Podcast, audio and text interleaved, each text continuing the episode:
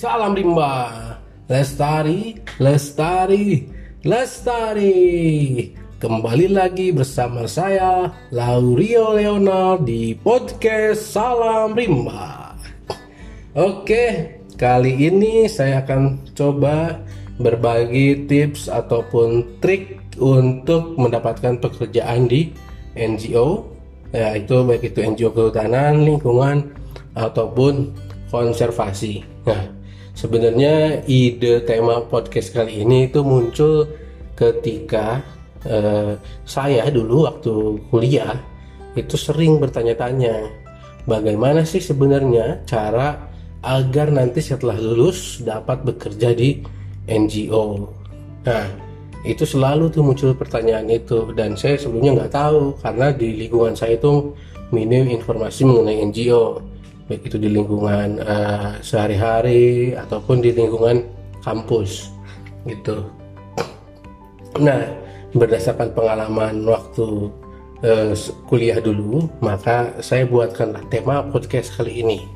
Nah, uh, untuk tips dan triknya sebenarnya ini tidak hanya dari pengalaman pribadi saja, tapi ini juga uh, berdasarkan cerita-cerita teman saya di NGO, mulai yang baru masuk sampai yang sudah puluhan tahun, mulai yang masih melakukan uh, pekerjaan teknis di lapangan sampai yang berada di top level manajemen di NGO tersebut.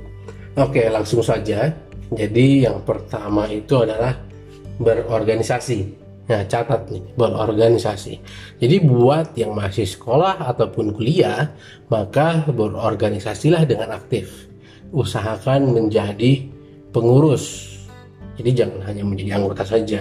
Karena ada banyak hal yang tidak bisa kita dapatkan di ruang kelas saat sekolah ataupun uh, kuliah. Nah, anda itu bisa mendapatkannya saat berorganisasi.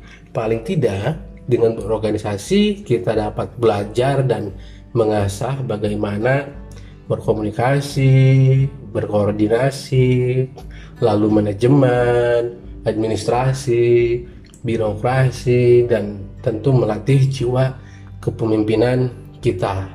Nah, kenapa semua itu penting? sebenarnya tidak hanya untuk bekerja di NGO saja.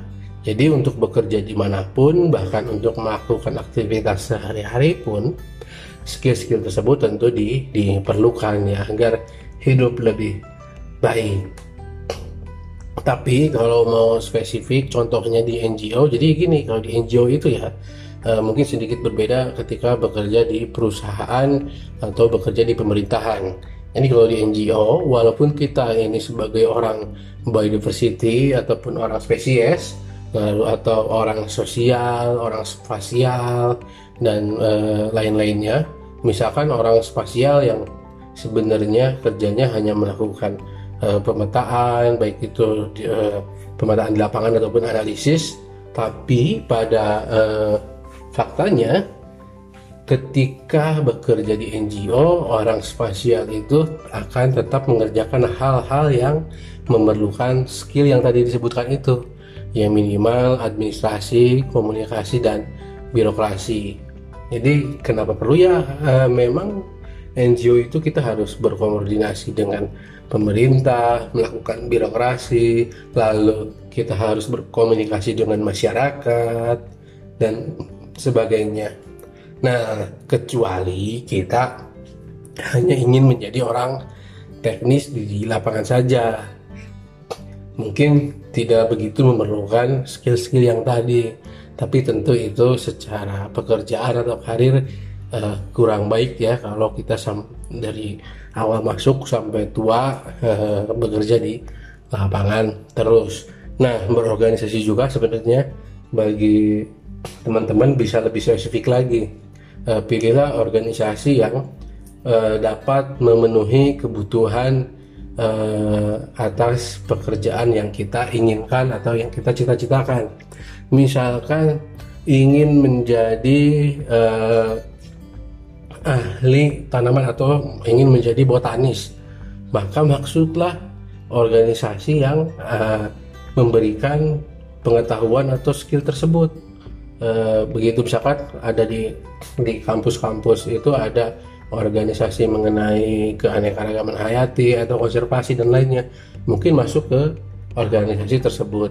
Lalu ada orang yang ingin melakukan uh, uh, pekerjaan di lapangan lalu uh, di di hutan atau di gunung dan sebagainya mungkin bisa masuk dengan berorganisasi di pencinta alam karena kita belajar bagaimana uh, teknik berkegiatan atau bertahan hidup di di alam bebas. Nah ini juga biasanya jadi salah satu trik bagi teman-teman yang kuliahnya mungkin di luar biologi, kehutanan ataupun lingkungan misalkan karena ada beberapa teman saya dari dari ekonomi, jadi sarjana ekonomi ataupun sarjana lainnya yang tidak berhubungan dengan lingkungan, dia bekerja di NGO konservasi karena dia aktif di pencinta alam. Jadi itu salah satu trik juga Lalu yang penting lagi adalah berjejaring. Nah, selain dengan berorganisasi, kita juga dapat berjejaring dengan melalui uh, berbagai cara. Misalnya ikut komunitas tertentu, ada komunitas pencinta uh, herpet, ada komunitas pencinta mamalia, tapi ini bukan komunitas pencinta herpet itu bukan yang memelihara gitu ya jadi orang-orang yang uh, komunitas pengamat lah uh, komunitas pengamat burung misalkan seperti itu nah itu uh, kalau yang muda sebenarnya kita juga bisa gabung di grup grup Facebook karena ada ada banyak uh, komunitas ataupun grup Facebook uh, dengan spesifik tertentu itu ada grup pemerhati burung dan sebagainya.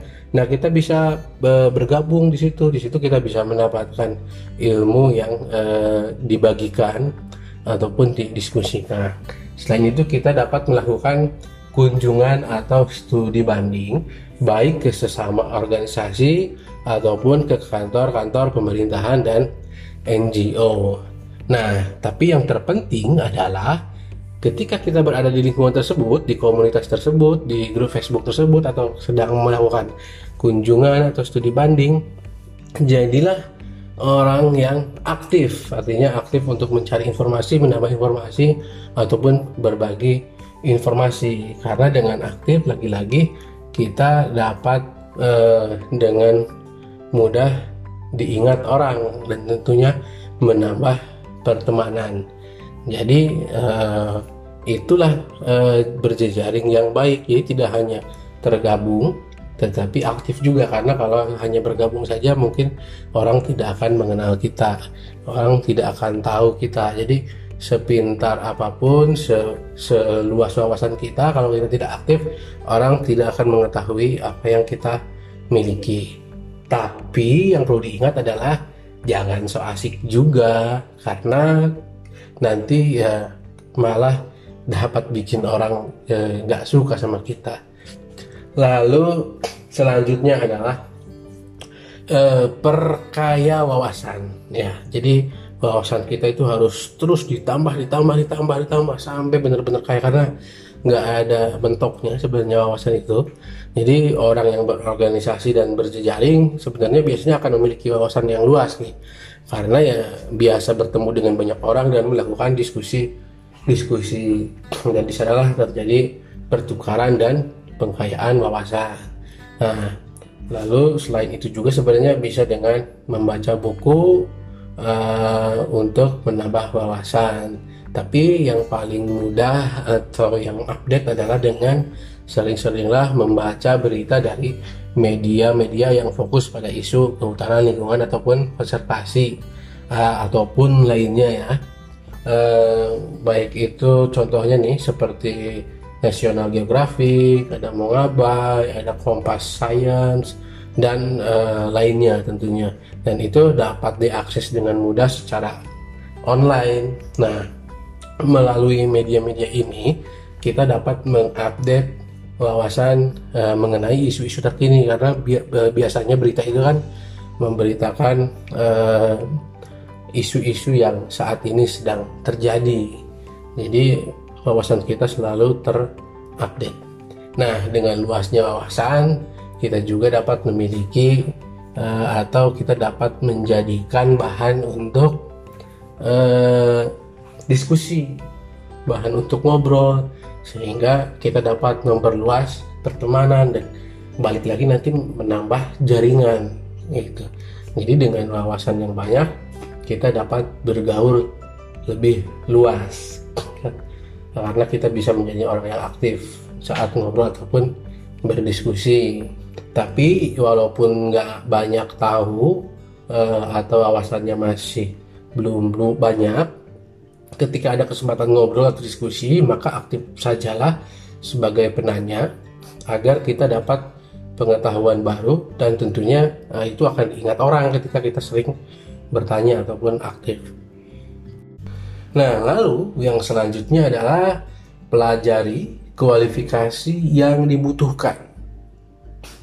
Nah, ini maksudnya adalah jadi ini ya, di dalam lowongan-lowongan pekerjaan, mungkin bagi yang pernah melihat e, lowongan pekerjaan, di sana biasanya ada e, bagian kualifikasi kandidat atau kualifikasi yang di, dibutuhkan.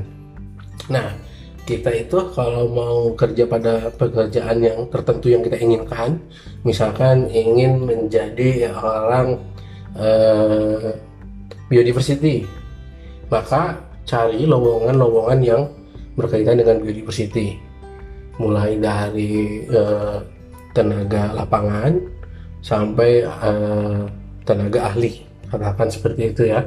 Lalu di situ kita cari bagian kualifikasi Nah, di kualifikasi itu biasanya ada eh, apa-apa saja yang harus kita miliki untuk dapat eh, menjadi bagian atau mendapatkan pekerjaan tersebut. Contohnya, bisa melakukan identifikasi ini, bisa menganalisis ini, bisa menggunakan software ini, bisa berbahasa ini, bisa menulis ini, dan sebagainya. Nah itu dibikin daftarnya dari berbagai lowongan, berbagai lowongan. Lalu setelah ada daftarnya, kita pelajari itu kualifikasi-kualifikasi yang ada, gitu. sampai uh, kita bisa memenuhi kualifikasi pekerjaan yang kita inginkan, gitu. Sehingga saat ada lowongan pekerjaan tersebut dan kita sudah lulus siap bekerja, maka kita bisa eh, memasukkan lamaran tersebut dengan penuh percaya diri karena sudah memenuhi eh, kualifikasi yang dibutuhkan gitu.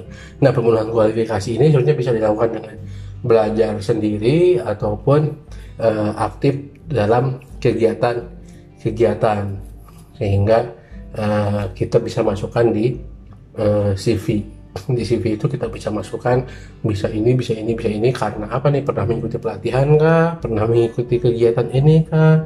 Dan sebagainya. Nah makanya di sini kita juga agar bisa mendapatkan CV yang bagus pengalaman yang bagus eh, maka eh, jadilah sukarelawan.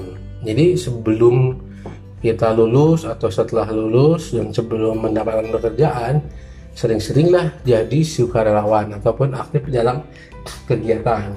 Ya, mungkin bagi sebagian orang ada yang memiliki prinsip gak ada yang gratis. Sehingga jasa, tenaga, pikiran dan waktu yang kita keluarkan tidak boleh digratiskan alias harus dibayar dengan rupiah. Syukur-syukur dapat dolar katanya. Hehehe.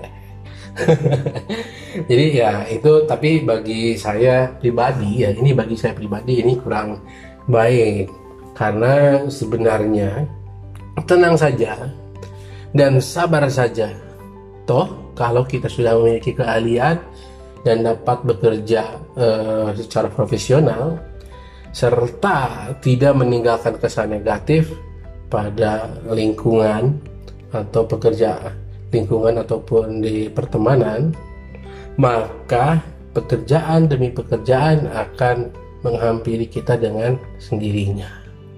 Jadi bagi yang belum lulus atau fresh graduate atau lagi nganggur, aktiflah untuk terlibat dalam berbagai kegiatan, yaitu uh, misalnya menjadi sukarelawan.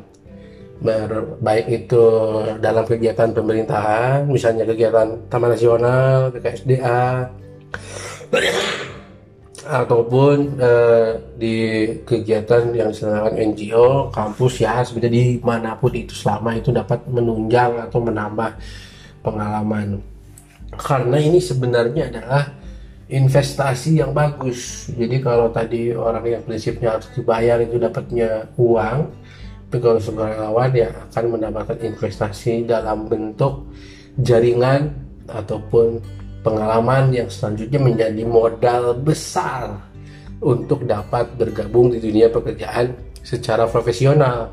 Dan setelah itu ya tentu secara otomatis rupiah bahkan dolar itu akan mengalir. Ya kita kan harus realistis juga yang namanya hidup ya kita perlu memerhatikan kesejahteraan kita. Tapi ya itu kalau trik dari saya di awal kita kumpulkan saja investasi saja dulu jaringan dan pengalaman. Setelah mendapatkan itu cukup baru kita bisa memasang uh, jual mahal ataupun kita uh, memasang diri uh, tarif untuk diri kita sendiri. Itu sebenarnya ketika kita me menghargai diri kita dengan nominal itu salah satu cara untuk menghargai kita sendiri, keluarga sendiri, dan keterampilan yang kita miliki. Tapi itu setelah kita menjadi profesional. Tapi ya kalau masih belajar, masih baru, ada kesempatan untuk menjadi suarawan, jangan sungkan-sungkan ikut saja, jangan berpikir, aduh nggak ada duitnya dan sebagainya. Tenang saja itu menjadi modal yang besar dan bagus. Nah, jadi itulah uh, paling tidak ada lima tips dan trik yang perlu kita lakukan agar dapat bekerja di NGO, kehutanan, lingkungan ataupun konservasi. Dan bahkan sebenarnya untuk bekerja di di NGO mana pun selain itu ya uh, tips dan triknya kurang lebih sama saja. Dan bekerja di selain NGO pun saya pikir ini menjadi jadi penting ya untuk modal modal kita gitu. Oke, uh, itu saja pengalaman dari saya ataupun teman-teman saya berdasarkan saya uh, ngobrol itu uh, agar dapat bekerja di NGO konservasi dan mendapatkan posisi ataupun karir yang bagus. Nah, mudah-mudahan bagi teman-teman semua yang ingin bekerja di NGO konservasi dan uh, kehutanan ataupun lingkungan dapat segera terwujud. Uh, tentunya uh, bekerja dengan baik ya. Jadi yang tadi lima itu selain untuk mendapatkan pekerjaan yang kita inginkan, ya agar kita juga nanti dapat bekerja dengan baik setelah mendapatkan pekerjaan dan tentunya dapat memberikan kontribusi baik itu bagi kehutanan, lingkungan, konservasi, masyarakat dan dunia secara umum. Oke, sampai jumpa nanti di podcast Salam Rimba lainnya karena masih banyak eh, tema-tema uh, yang akan dibahas. Sampai jumpa. Salam Rimba. Lestari, lestari, lestari.